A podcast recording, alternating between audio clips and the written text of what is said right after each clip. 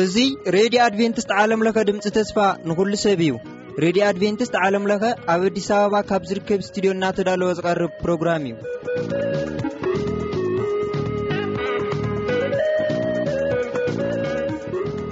ኣብ ርሑቕን ቀረባን መደባትና ንምድማፅ ኣብ መስመርና ትርከቡ ተኸታተልቲ መደብና ብቐዳምነት ዝዓዘዘ መንፈሳዊ ሰላምታ ኣብ ዘለኹምዎ ይብፃሕኩም ንብል ካብዚ ካብ ስቱድዮና። ብምቕፃል ንሎሚ ዝህልወና መደብ። መደብ ክፍለጥ ዘለዎ እዩ።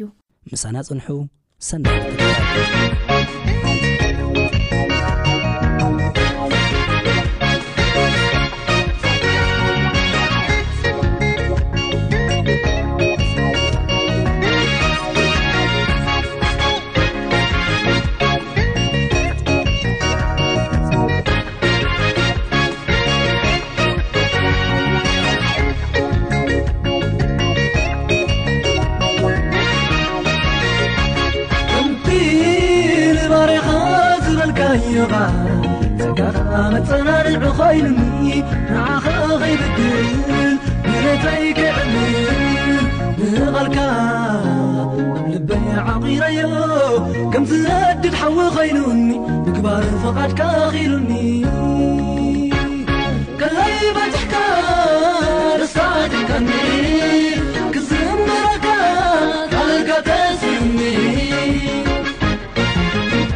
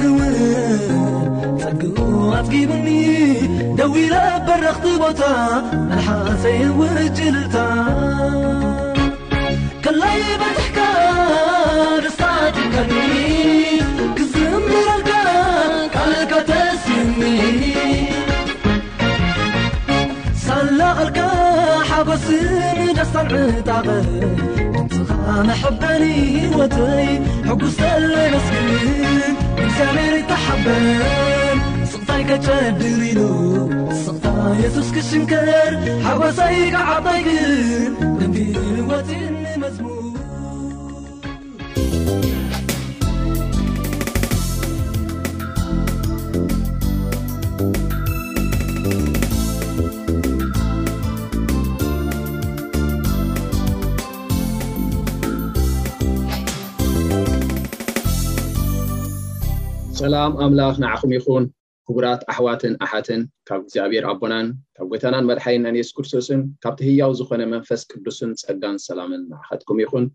ሎሚ ሓደ ዓቢ ዝኾነ ኣርእስቲ ሒዘልኩም ቀሪበ ኣለኹ። እዚ ኣርእስቲ እዚ ኣዝዩ እዋናውን ንዓይን ንዓኻትኩምን ካብ ጌጋ ዘበለ ከድሕነና ዝኽእል ህያው ቃል እግዚኣብሔር እዩ። እሱ እቲ ኣርእስቲ ከኣ ፍልይቲ መዓልቲ ኣምልኾ ሰንበት ማለት እዩ። ቀዳም ዶ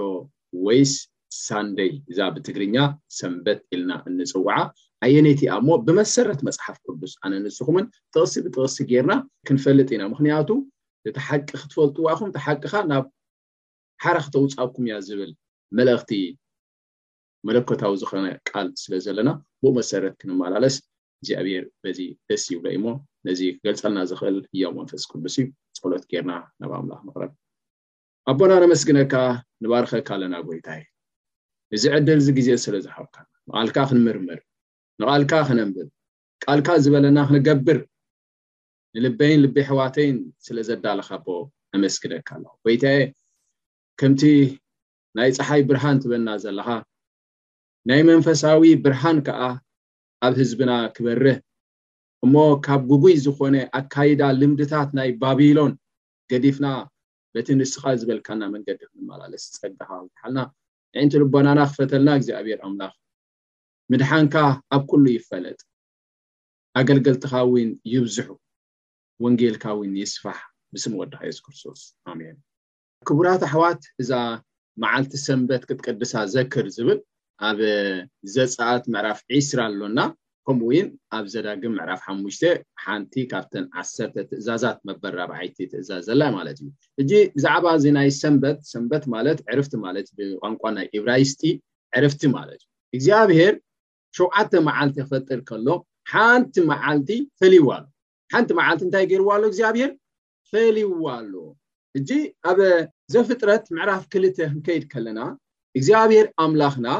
ብሽዱሽተ መዓልቲ ሰማይን ምድርን ኩሉ ሰራዊቶምን ምስ ወደአ ኣብታ ሻባዐይቲ መዓልቲ ግን እንታይ ገይሩ ማለት የዕሪፉ ይብለና የዕሪፉ ኣተንፊሱ ስለዚ ብኣ ስለ ዘዕረፈ ብኣ ስለ ዘተንፈሰ ነታ መዓልቲ እቲኣ እንታይ ኢሉ ገሊፅዋ ማለት እዩ ባረኻን ቀደሳን ኢሎ ማለት እዚ ባረኻን ቀደሳን ዝብል ኣብ ዘፍጥረት ምዕራፍ ክልተ ተገሊጹልና ዘሎ ትርጉም ኣለዎ ቀሊል ነገር ኣይኮነን ከምብበልኩም ደስ ይብለኒ ማለት እዩ ፍቅዲ ክልተ ዘፍጥረት ክልተ ፍቅዲ ክልተ ኣምላኽ ካ ነቲ ዝገበሮ ግብሩ በታ ሰብዓይቲ መዓልቲ ፈጽሞ ብሰብዓይቲ መዓልቲ ድማ ካብቲ ዝገበሮ ኩሉ ግብሩ ዓረፈ ኣምላኽ ከኣ ካብቲ ዝፈጠሮን ዝገበሮን ኩሉ ግብሩ ብኣ ስለ ዝዓረፈ ነታ ሳብዓይቲ መዓልቲ ባረኻን ቀደሳን። እዚ ኣብ ኤደን ገነት እዩ። ገና እግዚኣብሔር ፍጥረት ወዲኡ በታ መዓልቲ እቲኣ ስለ ዘዕረፈ ወይ ከኣ ጠጠው ስለ ዝበለ ማለት እዩ እምበር እግዚኣብሔር ኣምላኽ ዝደክም ኣይኮነን ከም ሰብ ኣይኮነን ግን ደው ኢሉ ማለት ደው ኢሉ ነታ መዓልቲ እቲኣ እንታይ ገይርዋ ባሪኽዋን ቀዲስዋን ነየነይቲ ነታ ሻባዐይቲ መዓልቲ እታ ሻባዐይቲ እዛ ሻባዐይቲ መዓልቲ እዚኣ ኣየነይቲ እያ ንዝብል ሕቶ ብመሰረት መፅሓፍ ቅዱስ ይኹን ብናይ ኢንሳይክሎፔድያ እንተ ርኢኹም ኣብ ካላንደር ወላ ኣብቲ ሞባይልኩም እንተ ርኢኹም ሳንደይ ማንደይ ቱስደይ ወንስደይ ሰርሲደይ ፍራይደይ ሳቱርደይ ኢሉ ንቀዳም ሻባዐይቲ መዓልቲ ገይርዋ ኣሎ ዋላ ብመሰረት መፅሓፍ ቅዱስ ተዳርኢና ቀዳም ሻባዐይቲ መዓልቲ ኢልዋ እዛ ሻባዐይቲ መዓልቲ እዚኣ ንዓ እግዚኣብሔር እንታይ ገይርዋ ባርኻን ቀደሳን ባርኻን ቀደሳን ሕጂ ቀጥታ ናብቲ ናይ ዘዳግም ምዕራፍ ሓሙሽተ ዓሰርተ ክልተ ክንከይድ ከለና ከዓ ነታ ሻባዓይቲ መዓልቲ ባርኽዋን ቀድስዋን እዩ መጀመርያ ንሱ ባሪኽዋ ቀዲስዋ ኣብዚ ጠጠው ኣይበለን እንደገና ከኣ ንዓይ ንዓኻትኩምን ከኣ ንህዝቢ እስራኤል ወይ ከኣ ንህዝቢ ዓለም ንብምሉእ ማለት እዩ ዝምልከት እዩ ንህዝቢ እስራኤል ዝምልከት ጥራሕ ኣይኮነን ንኣዳም እንተዳ ተዋሂብዋ እታ ሰንበት እቲኣ ንዓይ ንዓኻትኩም ከኣ ተዋሂባትና ኣላ ማለት እዩ እጂ ኣብ ዘዳግም ምዕራፍ ሓሙሽተ ክንከይድና ምዕራፍ ሓሙሽተ ዓሰርተ ክልተ እንታይ ድብል ሕጊ ተዋሂብና ዘሎ እዚ ናይ ሰንበት ሕጊ መቸም ብዙሓት ሰባት ሸለል ይብልዎ እዮም ግን ኣነ ንስኹም ሸለል ክንብሉ ኣይግባን ሓንቲ ካብተን ዓሰርተ ትእዛዛት እያ። ምስታ ኣይትቕተል፣ ኣይትዘሙ፣ ኣይትስረቕ፣ ኣይትሓሱ ድብል ሕጊ መለኮታዊ ዝኾነ ሕጊ ኣብ መንጎአን እያ ዘላ ኣብ መንጎአን እያ ዘላ እሞ ነቲ ሓደ ተቐቢልና ነቲ ሓደ ክንገድፎ ፅቡቕ ኣይኮነን ፍቅዲ ዓሰርተ ክልተ ከንብበልኩም እየ ዘዳግም ሓሙሽተ ዓሰርተ ክልተ ንመዓልቲ ሰንበት ከምቲ እግዚኣብሔር ኣምላኽካ ዝኣዘዘካ ክትቅድሳ ሓልዋ እዚ ሕጂ ትእዛዝ እዩ ከምቲ እግዚኣብሔር ኣምላኽ ዝኣዘዘካ ሕጂ ኮነ ናብዚ ኣዚዙ ኣቐዲሙ ንኣዳምን ሂዋንን ብድሕሪኡ ዝነበሩ ወለዶታት ሰንበት እግዚኣብሔር የኽብሩ ነይሩ ሕጂ እግዚኣብሔር በታ ሻባዒት መዓልቲ ክዕርፍ ከሎ ካብ ስርሑ ደው ክብል ከሎ ነታ መዓልቲ እቲኣ ክባርኻን ክቕድሳን ከሎ መርኣያ ሂብና ኣሎ ንዓይ ንዓኻትኩም ኣብነት ሂብና ኣሎ ማለት ዝዓበየ ኣብነትና ናይ ሰንበት ኣከባብራ እግዚኣብሔር ኣምላኽ ናይቲ ዝፈጠረና ንሱ ብኡ የዕሪፉ ንሕና ከ ከነዕርፍ ከም ዝግብኣና ናይ መጀመርያ ናይ መጀመርያ ኣብዛ ዓለም እዚ ሰንበት ክትክበር ኣለዋ ሰንበት ዘዕረፈ በታ ሻባዒት መዓልቲ ዘዕረፈ መን እንተ ኢልኩም እግዚኣብሔር እዩ መጀመርያ ማለት የዕሪፉ ከዓ ንኣዳም ንህዋን ይህዋ እዚ እንታይ ከምቲ እግዚኣብሔር ኣምላካ ዝኣዘዘካ መዓልቲ ሰንበት ቅዱሳ ሓልዋ ይብለና ሽዱሽተ መዓልቲ ዕየ ኩሉ ተግባርካ ግበር ሓራይ ከም ሽዱሽተ መዓልቲ ናይ ስራሕን ድላይና ክንገብር ንክእልና ተደልና ንደቅስ ተደልና ንሰርሕ ተደልና ንገይሽ ተደልና ንሓርስ ተደልና ንጽህን ማለት እዩ ድሓር እታ ሰባዓይቲ መዓልቲ ግና ኮድ ዓሰርተ ኣርባዕተ እዛ ንግበሮ ኣሰብሁላ እታ ሰባዓይቲ መዓልቲ ግና ናይ እግዚኣብሔር ኣምላኽካ ሰንበት እያ ናትካ ኣይኮነት ናይ እግዚኣብሔር ኣምላኽካ ሰንበት እያ ልክዕ ከምቲ ዕሽር ማለት ዕሽር እጂ ኣነ ሚት እንተ የእትየ እታ ዓሰርተ ናይ መን እያ ናይ እግዚኣብሔር እተን ሽዱሽተ መዓልቲ ናይ ስራሕ መዓልቲ እየን ንሕና ድላይና ክንገብር ንኽእል ኢና ማለት እዩ እታ ሻብዓይቲ መዓልቲ ግና ናይ እግዚኣብሔር ኣምላኽካ ሰንበት እያ ብኣ ንኣምላኽ ክትውድሶ ናይ መንፈሳዊ ነገራት ክትገብር ደኣ እምበር ስራሕ ክትሰርሕ ከምዘይ ተፈቐደልካ እዩ መፅሓፍ ቅዱስ ዝገልፀልና ዘሎ ድሓር እንታይ ኢና እሞ ክንገብር ብመዓልቲ ሰንበት ወይ ከዓ እታ ሻብዓይቲ መዓልቲ እንታይ ክንገብር ከም ዝግባኣና ኣብኡ ገሊፅዎ ኣሎ ብኣ ይብለና ማለት እዩ ግዝኡኻን ግዝኣትካን ድማ ከማኻ ምእንቲ ክዕርፉ ከማኻ ምእንቲ ክዕርፉ ንስኻ የዕሪፍካ ኣለኻ ካብ ስራሕ ዶ በል ካብቲ ናይ ስጋውን ዘበለ ስራሕ ደው በል ይብለካ ኣሎ ንስኻ ጥራሕ ኣይኮነን ሰራሕተኛታት ክህልውካ ይኽእሉ እዮም ንስኻ ኣብ ገዛኻ ማለት እዩ ንዓቶም እውን እንታይ ግበሮም ደው ኣብሎም የዕርፎም ምሳኻ ይብለና ኣሎ ንስኻን ወድኻን ጓልካን ግዝኡኻን ግዝኣትካን ብዕራይካን ኣድካን ወይ ኩሉ ማልካ ወይ ኣብ ውሽጢ ደጌካ ዘሎ ጓናካ ዝኮነ ዕዮ ኣይተዕይዮ ብዕራይ ክሓርስ የብሉን ኣድጊ ክጸዓን የብሉን ስደተኛ እንተ ሃሊካ ኣባካ ከ ክዓርፍ ኣለዎ ሰራሕተኛ እንተ ሃሊካ ክዕርፍ ኣለዎ ይብለና ፍቅሪ 15 ንስኻ ድማ ኣብ ሃገር ግብፂ ባርያ ከም ዝነበርካ እግዚኣብሔር ኣምላካ ካብ ብፅንዕቲ ኢድን ብዝርግሕቲ ቅርፅምን ካባእ ከም ዘውፀካ እንታይ ግበር ዘክር ዘክር ስለዚ እግዚኣብሔር ኣምላካ መዓልቲ ሰንበት ክትሕሉ ኣዘዘካ ክልተ ግዜ ደጊሞ ኣሎ ኣብቲ ናይ መጀመርያ እንታይ ኢልዎ ኣሎ መዓልቲ ሰንበት ከምቲ ኣምላኽ ዝኣሃበካ ዝኣዘዘካ ክትቅድስ ሓልዋ ኢሉ እንደገና መወዳእታ ኸ እንታይ ኢልና ኣሎ ማለት እዩ መዓልቲ ሰንበት ክትሕሉ ኣዘዘካ ድሓር ኣቦኻን ኣዴኻን ኣኽብር ኣይትቕተል ኣይትዘሙ እንዳበለ ይኸይድ ሓንቲ ካብተን ዓሰርተ ትእዛዛት መበል ራብዓይቲ እዚኣ ትኸውና ሎሚ ኣብ ሕብረተሰብና ወይ ኣብ ኣመንቲ መንፈሳውያን ክንርኢ ከለና ነየነይቲ እዮም ሰንበት ዝብልዎ ብፍላይ ብቋንቋ ትግርኛና መቸም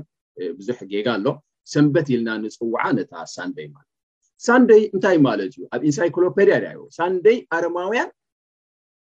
ንፀሓይ ዘምልኹላ ዝነበሩ ፍልይቲ መዓልቲ ቀዳመይቲ መዓልቲ እያ ሰማይ ምድሪ ተፈጠረሉ ማለት እዩ ብርሃን ዝተፈጠረሉ ማለት እዩ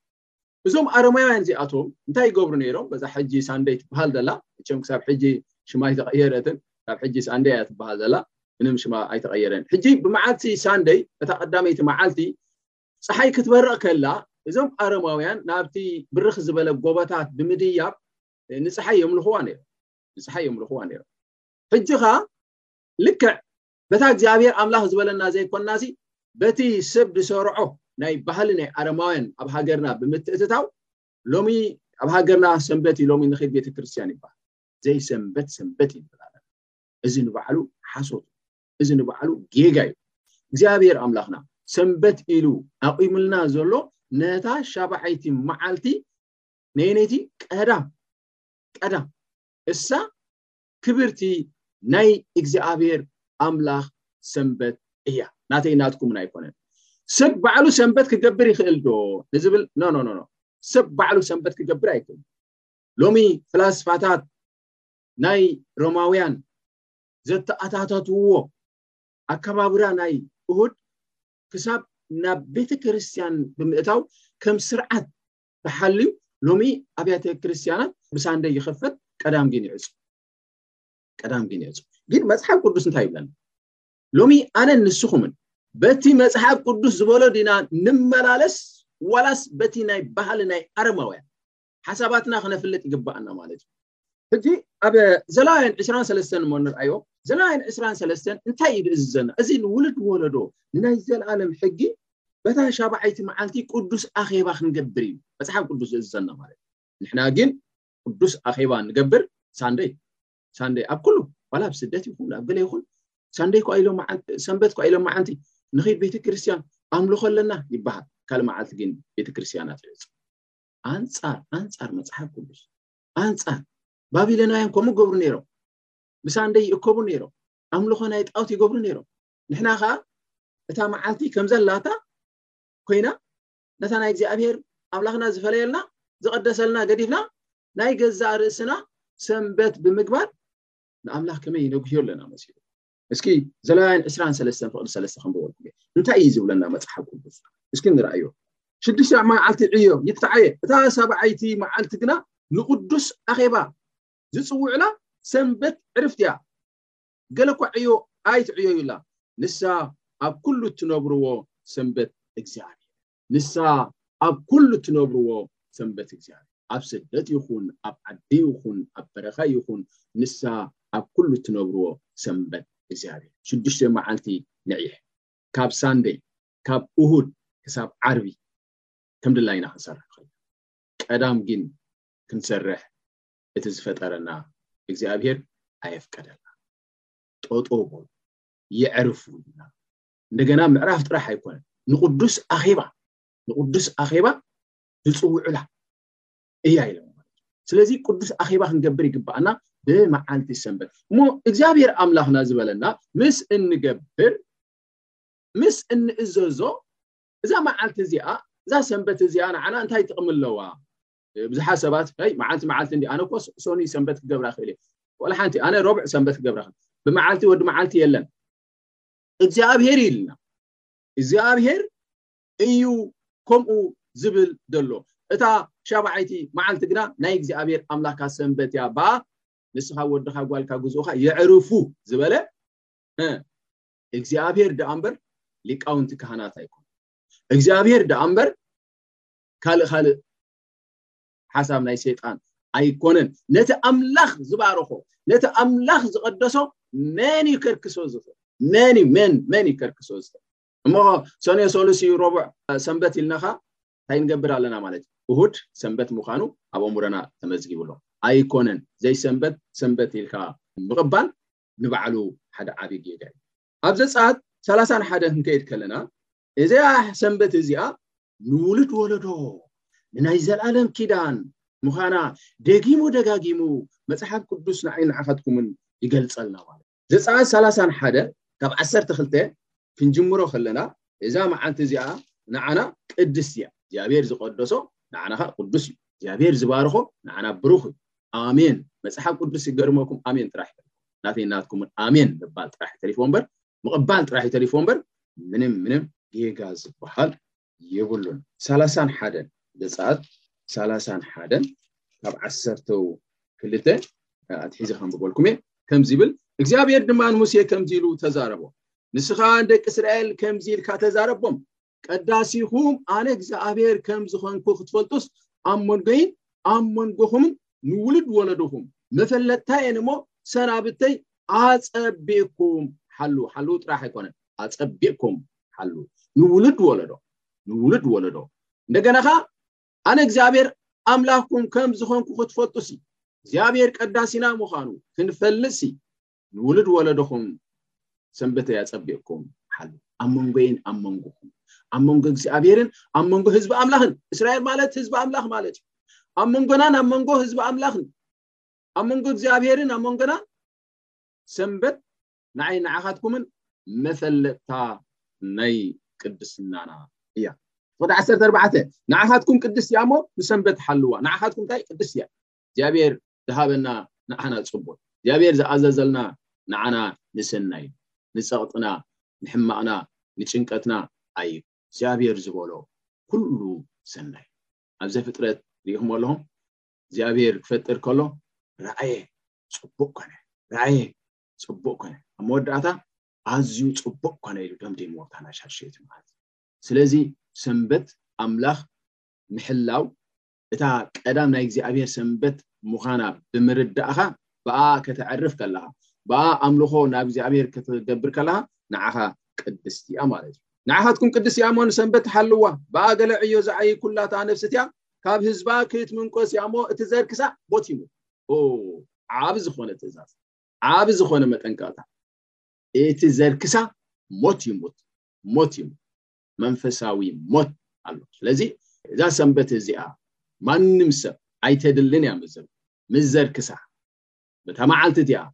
ስራሕ ምስ ዝሰርሕ ሞይቲ እዩ ዝስርት መንፈሳዊ ሞት ኣሎ እዚ ቃል እዚ ማንም ክቕይሩ ኣይክእል ስለዚ እታ ነፍሲ እቲኣ ካብ ህዝባ ክትምንቆስ እያ ህዝቢ ኣምላኽ ኣይኮነትን ህዝቢ ኣምላኽ ኣይኮነትን ካብ ህዝባ ክትምንቆስ እያ መወዳእታ ኸ እንታይ እዩ ሞት የስዕበላ። ሽዱሽተ መዓልቲ ዕዮዩ፣ ይተዓየ፣ ሳብዓይቲ መዓልቲ ንእግዚኣብሄር እተቐደሰት ሰንበት ዕርፍቲያ። ንምንታይ እግዚኣብሄር ደጊሙ ደጋጊሙ ኣብዘን ሓጸርቲ ጥቕስታት ድደጋግመን ደሎ? ሰንበት ሰንበት ሰንበት ሰንበት ድብል ደሎ? ኣብ ናይ ቋንቋ ኢብራይስጢሲ ሓደ ቃል እንተደኣ ዝደጋገም ኮይኑ ኣዝዩ ኢምፖርታንት ሓደ ኣገዳሲ ዝኾነ ሓሳብ ክትገልጾ እንተደኣ ደሊኻ ትደጋግሞ ማለት እዩ። እዚ ኣብቲ ናይ ቋንቋ ኢብራይስጢ ዝተፈለጠ እዩ። ሕጂ ርኢኹም ልዕል ኢለ ሰንበት ኢለ ኣንቢበስ እንደገና ከኣ መልሹ ከኣ እንታይ ገይርዎ ማለት እዩ ደጊምዎ ይደጋግሞ ኣሎ ክልተ ግዜ ሰለስተ ግዜ ኣርባዕተ ግዜ ይደጋግሞ ኣሎ ወደ ዓሰርተ ሓሙሽተ ሽዱሽተ መዓልቲ ዕየ ይተዓየ ሰብዓይቲ መዓልቲ ንእግዚኣብሔር እተቐደሰ ሰንበት ናይ እግዚኣብሔር እተቐደሰ ሰንበት መዓልቲ ሰንበት ዕዮ ዝዓየ ከሉ ሞት ይሙት ከኣ ኢሉ መልሹ ከኣ ደጊምዎ ኣብ ላዕሊ ከም ዘንበብናዮ ኣብዚ ከኣ መዓልቲ ሰንበት ዝዓየ ዕዮ ሞት እዩ ሞት ሕጂ ከ ኣሎ ዶ እወ ሕጂ እውን መንፈሳዊ ሞት ኣሎ መንፈሳዊ ሞት ኣሎ ንኣዳም እንታይ ኢልዎ ኣሕዋት ንኣዳም ካብዚኣ ምስ ትበልዕ መዓልቲ ሞት ክትመውት ኢኻ ደልዎ የስ ሕጂ እውን እግዚኣብሄር ንዓይ ንዓኻትኩምን ዝኣዘዞ ትእዛዛት እግዚኣብሄር ኣሎ ሰንበት ጥራሕ ኣይኮነን ዓሰርተ ትእዛዛት ይብልና ነዚ ዓሰርተ ትእዛዛት እዚ ረጊጽና ምስ ንኸይድ፣ ሰንበት ሓንቲ ኣካል ናይተን ዓሰርተ ትእዛዛት እያ፣ ኣየድልን እዩ ምስ እንብል መንፈሳዊ ሞት ኣብ ልዕሌና ኣሎ ማለት እዩ። ዓስቢ ሓጢኣት ሞት እዩ ስለ ዝኾነ፣ ሓጢኣት ማለት ከኣ ምፍራስ ሕጊ ስለ ዝኾነ፣ ነቲ ሕጊ እንተደኣ ኣፍሪስካዮ ተመሳሳሊ ዕድል ናይ ኣዳም እዩ ዘጓንፈካ እግዚኣብሔር ይመስገን ግን ጸጋ ስለ ዘሎ ኣብ ልዕሌና እቲ ጸጋ ከኣ እቲ ሕጊ ከነፍርሶ ላይሰንስ ዘይኮነ ዝህበና ነቲ ሕጊ ሓልዎ እንዳበለ እዩ ዝድርኸካ ማለት እዩ መወዳእታ እንተዘይ ተመሊስካ ናብቲ ፍቃድ ናይ እግዚኣብሔር ግን ሓደገኛ እዩ ዝኸውን ማለት እዩ እሞ እዚ ቃል እዚ ጽን ኢልኩም ኩልኹም ክትሰምዕዎ ይግባኣኩም ስለዚ ንውሉድ ወለዶም ንናይ ዘለኣለም ኪዳን ፎዶ ዓሰርተ ሽዱሽተ ንውሉድ ወለዶም ንናይ ዘለኣለም ኪዳን ንሰንበት ከብዕልዋ ደቂ እስራኤል ንሰንበት ይሓልዋ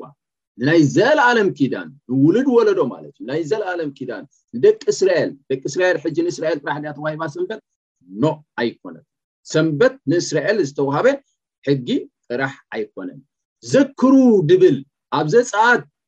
ዒስራ ኾሪ ሸሞንተ መዓልቲ ሰንበት ክትቅድሳ ዘክር ድብል ቅድሚ እስራኤል ከም ሃገር ምቋማ ሰንበት ኣብዚ ዓለም እዚ ትኽበር ነይራ እቶም ቅዱሳት ቅድሚ ኣብርሃም ምውላዱ ዝነበረ ቅድሚ ኖህ ዝነበረ ንኣዳም ዝተዋሃበት ትእዛዝ ስለ ዝነበረት ኣብኡ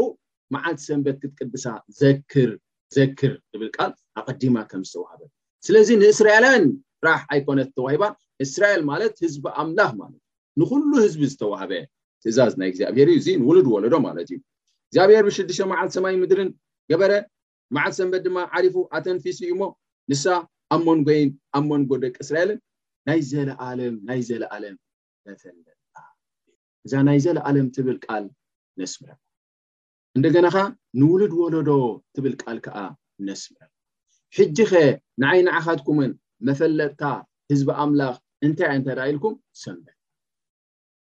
ናይ ሴጣን ናይቲ ጸረ ክርስቶስ መፈለጥታኸ እንታይ እንተ ኢልኩም ሳንደይ ሳንደይ ናይ ባቢሎናውያን ንብዙሕ ንብዙሕ ዓመት ቅድሚ ልደተ ክርስቶስ ማለት ንብዙሕ ኣማኢት ዓመታት ትኽበር ዝነበረት ናይ ኣረማውያን ናይ ባቢለናውያን መዓልቲ እያ ማለት እዩ እዛ መዓልቲ እዚኣ ምስ እንኽብር እግዚኣብሔር ዘይበለና ምስ እንገብር ኣነ ንስኹምን እግዚኣብሔር ዝበለና ምስ ንገብር ግን ካብ ተሓታትነት ሓራ ወፅና ኣለና እንደገና ንዓኻትኩም ከዓ ቅድስቲ እያ ኢልዋ ኣሎ እስኪ ኣብ ህዝቅኤል ህዝቅኤል ዒስራ ፍቅዲ ዓሰርተ ክልተ ከዓ ክወስደኩም እየ ህዝቅኤል ዒስራ ፍቅዲ ዓሰርተ ክልተ ኣውን እዛ መዓልቲ እዚኣ ንዓና ቅዳሴና ምዃኑ እግዚኣብሔር ተፍልጠና ማለት እዩ ነፍሲ ወከፍ በትእዛዛት እግዚኣብሔር ዝኸይድ ኣምላኹ ቀዳሲኡ ምዃኑ ኢኻ ትርዳእ ኣብ ርእሲ እዚ ከዓ እቲ ዝቅድሶም ኣነ እግዚኣብሔር ምዃነ ክፈልጡ ሲ ኣብ መንጎይን ኣብ መንጎምን ትምህርቲ ምእንቲ ኮና ኢለ ሰናብተይ ሃብኩም ልክዕ ምስታ ናይ ዘፀኣት ሰላሳን ሓደን ደንበመያ ኣብ ርእሲ እዚ ከዓ እቲ ዝቅድሶም ኣነ እግዚኣብሔር ምዃኑ እቲ ዝቅድሶም ስለዚ ቀዳሲና እግዚኣብሔር ምዃኑ ተፍልጠና እዛ መዓልቲ ሰንበት መዓልቲ ሰንበት ብዙሕ ትርጉም እዩ ዘለዎ ብዙሕ በረኸታውቲ እዩ ዘለዎ ኩሉ ግዜ ኣብቲ ኣምላኽ ዝባርኾ ነገር እንተደኣቲኻ ንስኻ ትባረካ ኣብቲ ኣምላኽ ዝቀደሶ ነገር እንተደኣቲኻ ንስኻ ከዓ ትቅደስ ኢኻ ማለት እዩ እቲ ቅዱስ ዝበሎ እግዚኣብሔር ቅዱስ ንሕና ንፈልጥ ማለት እዩ እቲ ርኹስ ዝበሎ እግዚኣብሔር ከዓ ርኹስ እዩ ወላ ካህናትና ከምኡ ይበሉና ዋላ መራሕትና ከምኡ ይበሉና ኖ ኩሉ ሓደ ከምዚ ዋላ እንተ በሉና እቲ ኣምላኽ ቅዱስ ዝበሎ ቅዱስ እዩ ቅዱስ ኮይኑ ዝነብር እቲ ኣምላኽ ብሩኽ ዝበሎ ከዓ ብሩኽ ኮይኑ ዝነብር መን ኣሎ መን ኣሎ ነቲ ኣምላኽና ዝኣዘዞ ሕጊ ሰንበት ከፍርሶ ዝኽእል ወይ ቅዱስ ኣይኮነን ወይ ፍልይቲ ይኮነን ኩሉ መዓልቲ መዓልቲ ኢልና ክንፈላለዮ ይንኽእልና እግዚኣብሔር ዝፈለዮ መን ይኸ ክሓዋውሶ ዝኽእል ንቅዱስ ዕላማ ፈሊዋ ኣሎ እግዚኣብሔር መቸም ቀዳሲና እግዚኣብሔር ምዃኑ ተፍልጠና ሰንበት ሰንበት እግዚኣብሔር ንስኻ ታሻባይት መዓልቲ ቀዳም ንዓ ምስ ነኽብራ ኣነ ቀዳሲኩም ምዃነይ ኢሉና ቃል ኣምላኽ እሞ እግዚኣብሔር ይደግፈና